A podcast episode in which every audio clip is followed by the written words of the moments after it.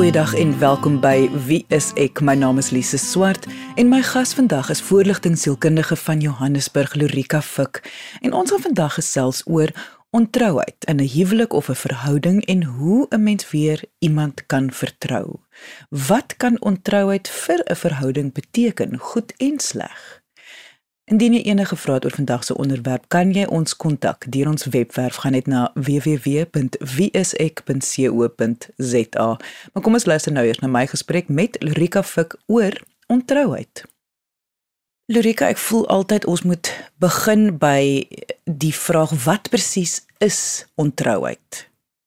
So ontrouheid is wanneer een persoon nie die ander persoon se verwagtinge op 'n fundamentele vlak nakom nie.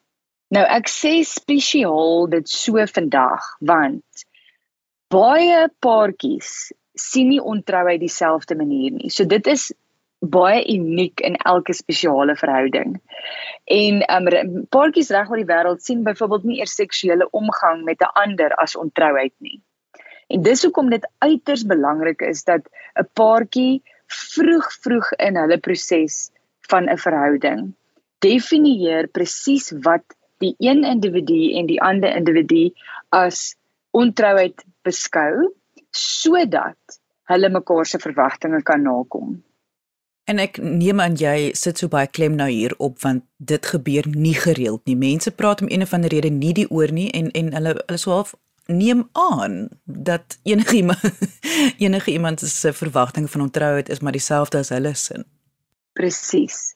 En dan wat ons baie sien wanneer ons in terapie en so aan betrokke is, is dat die een persoon nooit dit gesê het nie of dat hulle nooit hierdie ooreenkoms met mekaar gesluit het van die begin af nie. En dan is waar waar daar probleme veroorsaak in 'n in 'n verhouding almal wil altyd weet. So kom ons begin so half aan die einde van die gesprek, maar kom ons kry dit uit die pad uit. Almal wil altyd weet, kan 'n mens herstel? Kan 'n mens mense verhouding herstel nadat daar ontrouheid was? Inteendeel, sal baie baie paartjies vir jou sê dat die ontrouheid was die beste ding wat met hulle huwelik of hulle verhouding kon gebeur het. Maar daar's natuurlik eers 'n baie diep proses wat plaasvind van vergifnis en van aanvaarding en van rou na so iets gebeur. Maar baie sal vir jou sê wat ons noem 'n uh, eh, posttraumatiese groei is na so 'n groot moment plaasvind in 'n verhouding. Ruk dit almal amper wakker en dan kom hulle agter, "Sjoe, maar uh, ek sê altyd Ontrouheid gebeur nooit in isolasie nie. Met ander woorde, geen maat word wakker in die oggend te dink, "O, oh, ek kan nie vandag wag om nou op my maat te verneek nie of ek kan nou nie wag om hulle verwagtinge nie na te kom nie." Niemand doen dit nie. Maar wanneer jy byvoorbeeld een maat met depressie, aan depressie ly of 'n groot probleem het met konflikhantering. Met ander woorde, hulle kommunikeer glad nie oor goed wat hulle plan nie. Dan voel die ander maat in daai verhouding verskriklik alleen. En wat dan gebeur is hulle is dan natuurlik oop of vatbaar vir eksterne invloede in die verhouding in. En baie keer wat jy sal sien, initieel natuurlik sal die maat wat daar op verneek was en die ontrouheid moes beleef. Hulle is dan baie kwaad en gewoonlik so gooi hulle net al die blame op hulle om op hulle maat. Maar wanneer hulle dan rustig geraak het en logies oor 'n ding kan dink, kan hulle agterkom ja, ja, sjoe, maar ek het eintlik ook hier 'n aandeel gehad. Ek het nie met my maat gekommunikeer nie of weens my depressie is ek ontoeganklik emosioneel vir my maat of ek is in my eie dop ingekruip of wat ook al. En as ek dit kan uitsorteer, is ek emosioneel meer beskikbaar vir my maatjie en dan kan ons voortbeweeg.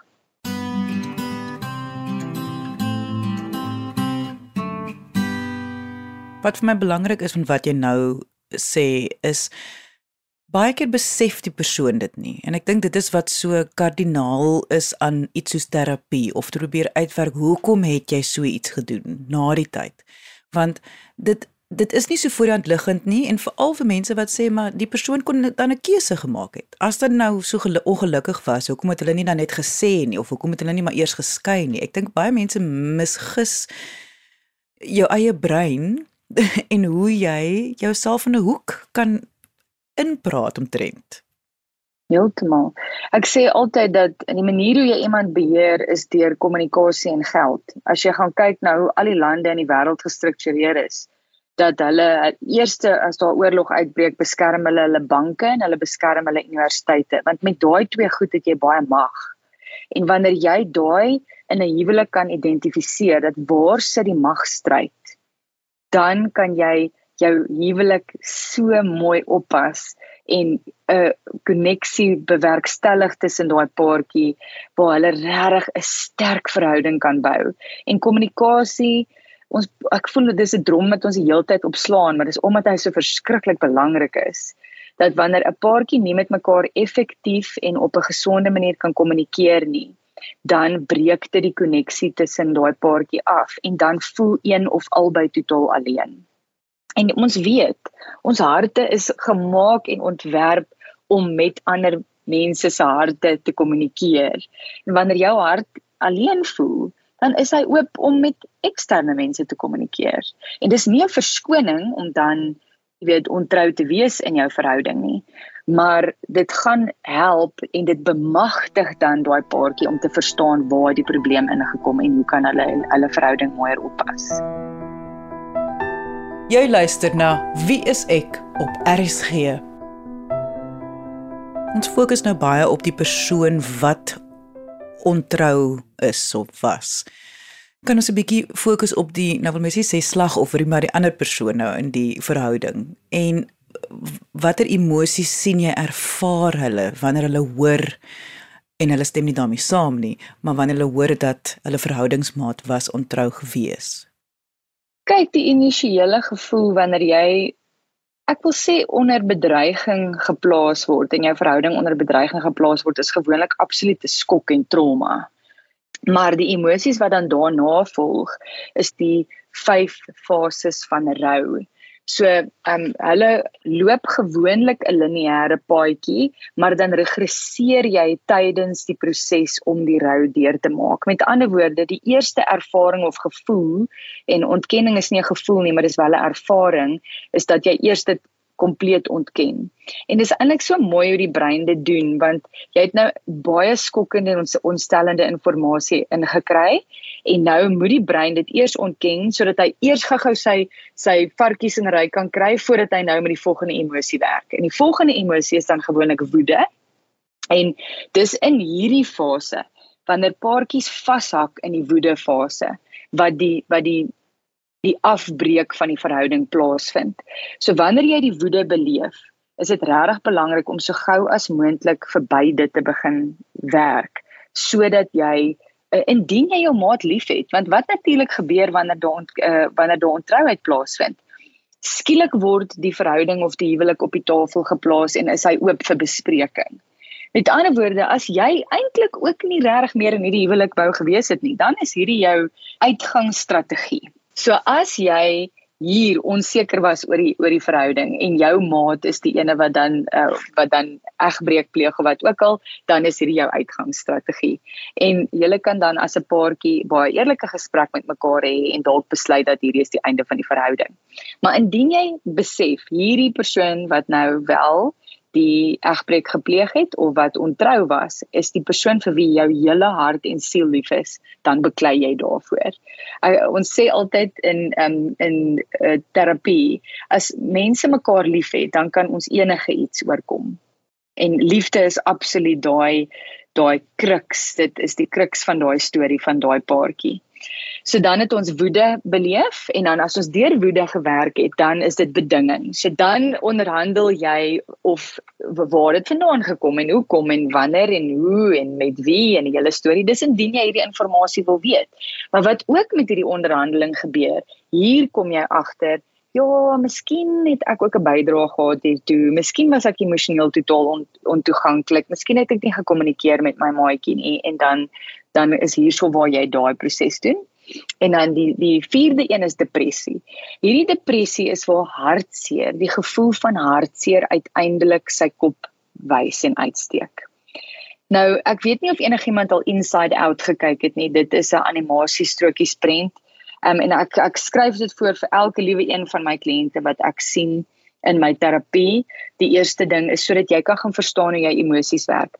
Hartseer is eintlik waar jy besig is om gesond te word want jy begin die fantasie en die realiteit bymekaar bring. Nou dit is baie teoreties wat ek nou gesê het, maar hartseer is gesond.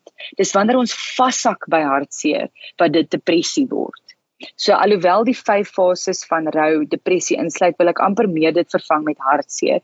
Jy moet iewers die ideaal laat gaan vir realiteit om te sê ek het hierdie prentjie in my kop gehad oor hoe my huwelik of my verhouding is. Dis nou nie meer soos wat dit is nie. Dis nie die waarheid nie. Maar kom ons kyk na die waarheid van die verhouding en almal weet dat die waarheid van die verhouding is so mooi. Daar kan ons so eg wees en so eerlik wees met mekaar. En dis slegs wanneer jy daai hartseer beleef het wat jy éventueel by aanvaarding kan uitkom. En wanneer jy by aanvaarding uitgekom het, dan kan julle twee saam sit en julle kan besluit hoe julle julle verhouding vorentoe beter gaan doen en mekaar meer kan oppas en die verhouding meer kan oppas. Dis hier natuurlik waar grense neergesit word en bespreek word.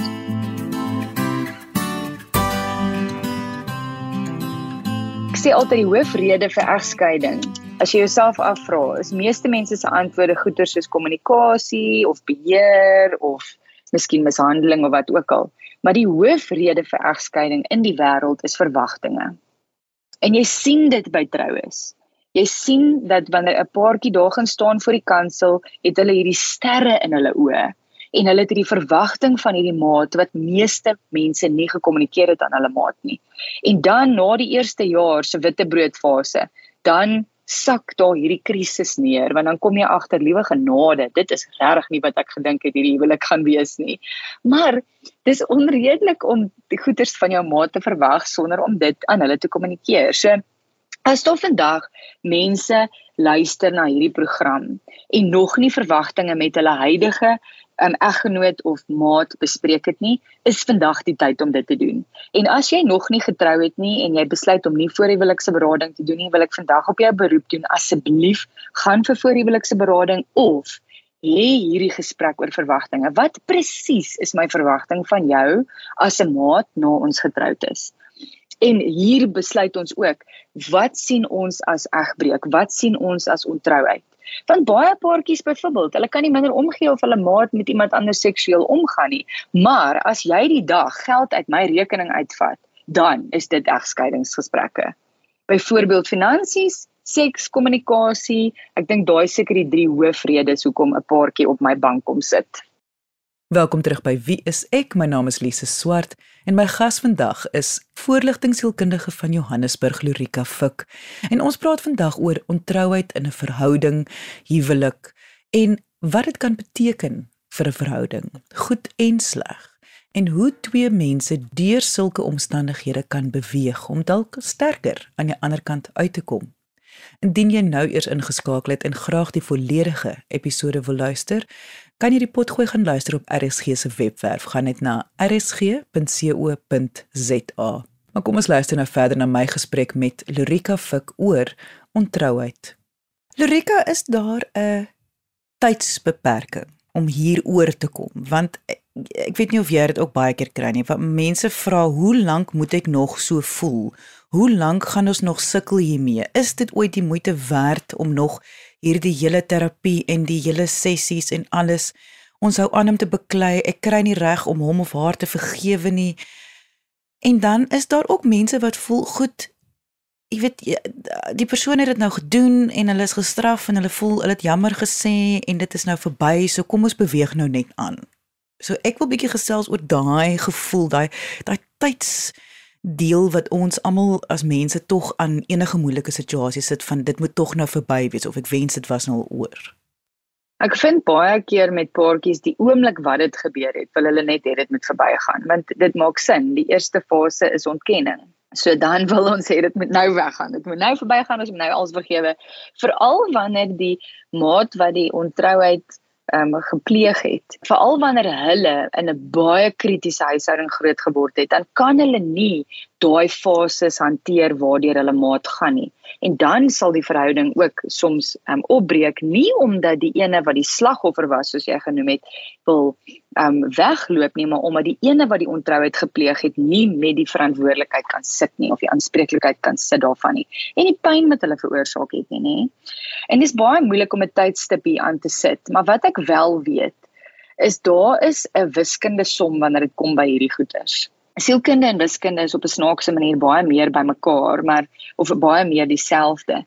Wanneer daar ontrouheid plaasgevind het, moet daar eers aanspreeklikheid wees voordat vergifnis kan gebeur. Dit is hoe hierdie ding in die brein gebedraad is en dit is die einde van daai storie.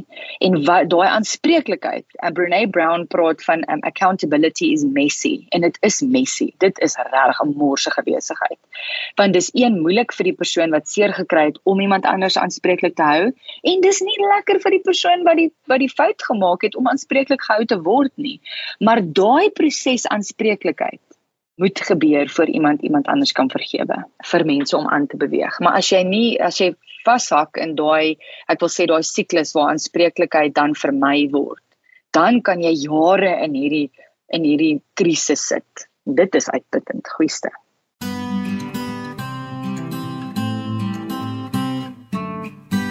Is dit hoekom mense baie keer so vinnig opgee? Aanspreeklikheid. Weet jy, mense gee vinnig op omdat ons in die samelewing nie ons kinders toelaat om bietjie te sukkel met 'n ding nie. Ek dink kinders het hierdie behoefte of uh, ouers het hierdie behoefte om hulle kinders te red die hele tyd. Maar ehm um, aanspreeklikheid leer jy vir 'n kind van kleins af. Hulle oefen dit, nê? Nee? En ek wil net hierso sê, onthou wanneer so iets gebeur, is dit wederwysige aanspreeklikheid wanneer jy twee en ek gaan dit weer sê 'n persoon gaan nie uit om te gaan egbreek pleeg om of om te gaan ehm um, jy weet uh, ontrou wees aan hulle maatjie nie. Die ander maat wat nie ontrou was nie moet ook aanspreeklik gehou word. Dan moet vir hulle verduidelik word weens die feit dat daar depressie is sukkel ek om by jou uit te kom. Nou wat hierdie ding moeilik maak is dit is natuurlik 'n uh, dit is soos 'n petribakkie vir manipulasie so dit is ek dink hoekom terapie baie belangrik is wanneer ontrouheid eers plaasgevind het. Want 'n terapeut moet dit kan lei sodat manipulasie nie nou hierso is om net alles op een persoon se kop neer te sit nie. Dat die maat wat ontrou was moet aanspreeklik gehou word vir hulle gedrag en besluite maar ook die maat wat nie ontrou was nie. Hulle moet ook aanspreeklik gehou word vir hulle uh, gedrag en besluite. En hoe het hulle saam hierby uitgekom. Hoe sê die Engelse it takes two to tango? En dis regtig waaroor hierdie ding gaan. O en de, ek dink baie mense wat nie groot geword het in huise waar hulle geleer het om met konflikte werk nie, hulle sal net eerder weghardloop. Maar wat ek daarvan wil sê, om net weg te hardloop van iets wat vir jou baie belangrik is, is 'n vorm van selfverraad. Dis waar jy jouself in die seek steek laat. En dan kyk ons na mense wat op 85 op hulle doodsbeddens lê en vir my sê Ek wens ek het harder beklei vir my huwelik. Ek wens ek het meer liefde gewys vir die mense vir wie ek lief was want vandag sit ek hier en ek het die mees belangrikste mense in my lewe verloor. Dis nogal 'n ek wil sê dit is 'n vaardigheid wat ek vir baie van my kliënte leer. Kyk na die groter prentjie. As jy 85 jaar oud is, hoe sal hierdie hierdie besluit wat ek nou moet maak my lewe afekteer? En dis ongelooflik. Dis soms binne sekondes het 'n onmoontlike besluit skielik perspektief gekry. Jy luister na Wie is ek op RSG. Maar tog ons moenie wegvat dat mense het nog steeds 'n keuse nie. Ek bedoel selfs die persoon wat sê net maar nou ontrou was en nou gekonfronteer word, wil jy jou huwelik red en daai persoon sê dan nee, nee weet jy nie. Die feit dat ek ontrou was, wat ek besef ek ek het al klaar keuse gemaak en ek gaan aanbeweeg. Wat natuurlik aaklig is vir die ander persoon, maar daai persoon het ook daai reg om dit te besluit. 100%. Jy weet in in die lewe nê, het 'n mens hierdie katarsisse wat jy bereik nê, wat jy op op 'n punt kom waar jou hele lewe skielik 'n ander koers inslaan. En hierdie hierdie tipe situasie is gewoonlik een van daai krisisse wat mense beleef wat hulle besef, "Jemmel, ek is heeltemal op die verkeerde pad hierso."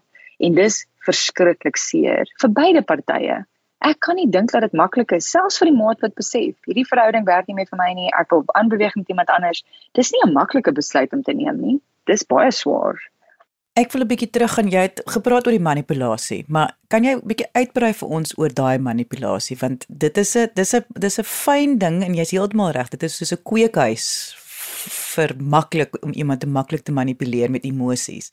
Maar ek dink ons moet net 'n bietjie uitbrei dat mense kan verstaan waarvan ons presies praat. So, ehm um, ek kan weer vir Brené Brown hierso ehm um, aanhaal. Sy sê blame is just the expelling of pain. So met ander woorde, wanneer jy iemand blameer, dan vat jy net jou eie pyn en jy sit dit net op iemand anders se skouers vir 'n ruk, want die pyn is net te seer om te dra, nê? Nee? Maar wat dan gebeur is wanneer aanspreeklikheid nie ook in daai pot gegooi word nie, dan sit ons met manipulasie. So jy kan nie net mense blameer en blameer en blameer vir 'n ding sonder om aanspreeklikheid te aanvaar en iemand anders aanspreeklik te hou nie. En dis maar waarop dit neerkom. Jy weet manipulasie is sodat iemand anders moet doen wat jy wil hê hulle moet doen. Maar wat van die feit dat kom ons probeer doen wat vir ons die beste is? En dis swaar vir party mense om te doen. En ek gaan net weer hierso sê manipulasie is iets wat elke persoon heeldag op verskillende vlakke doen. Manipulasie is deel van die samelewing. Dis wanneer jy iemand probeer manipuleer om te doen wat jy wil hê sonder om ook jou eie opofferings te maak.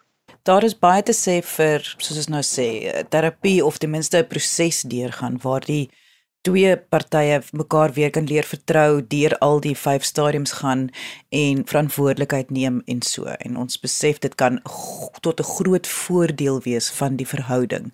Maar ek dink daar is ook iets te sê en ek wil by jou hoor of dit waar is of nie vir die individu in hierdie verhouding. Want ek dink baie keer albei partye kan ook apart baat daarbey om uit te werk waar kom hulle vandaan? Hoe het so iets gebeur?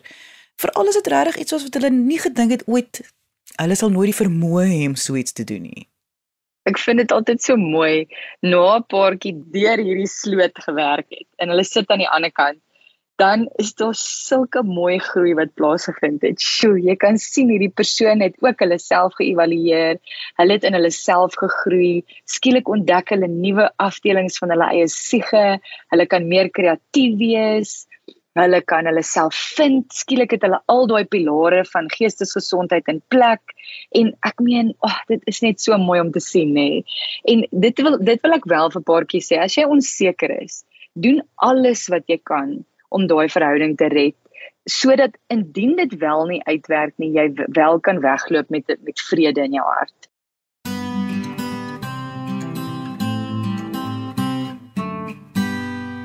So, daar's spesifieke goeders. As jy die maat is wat wat die slagoffer van ontrouheid was, is daar 'n paar goedjies wat jy kan doen.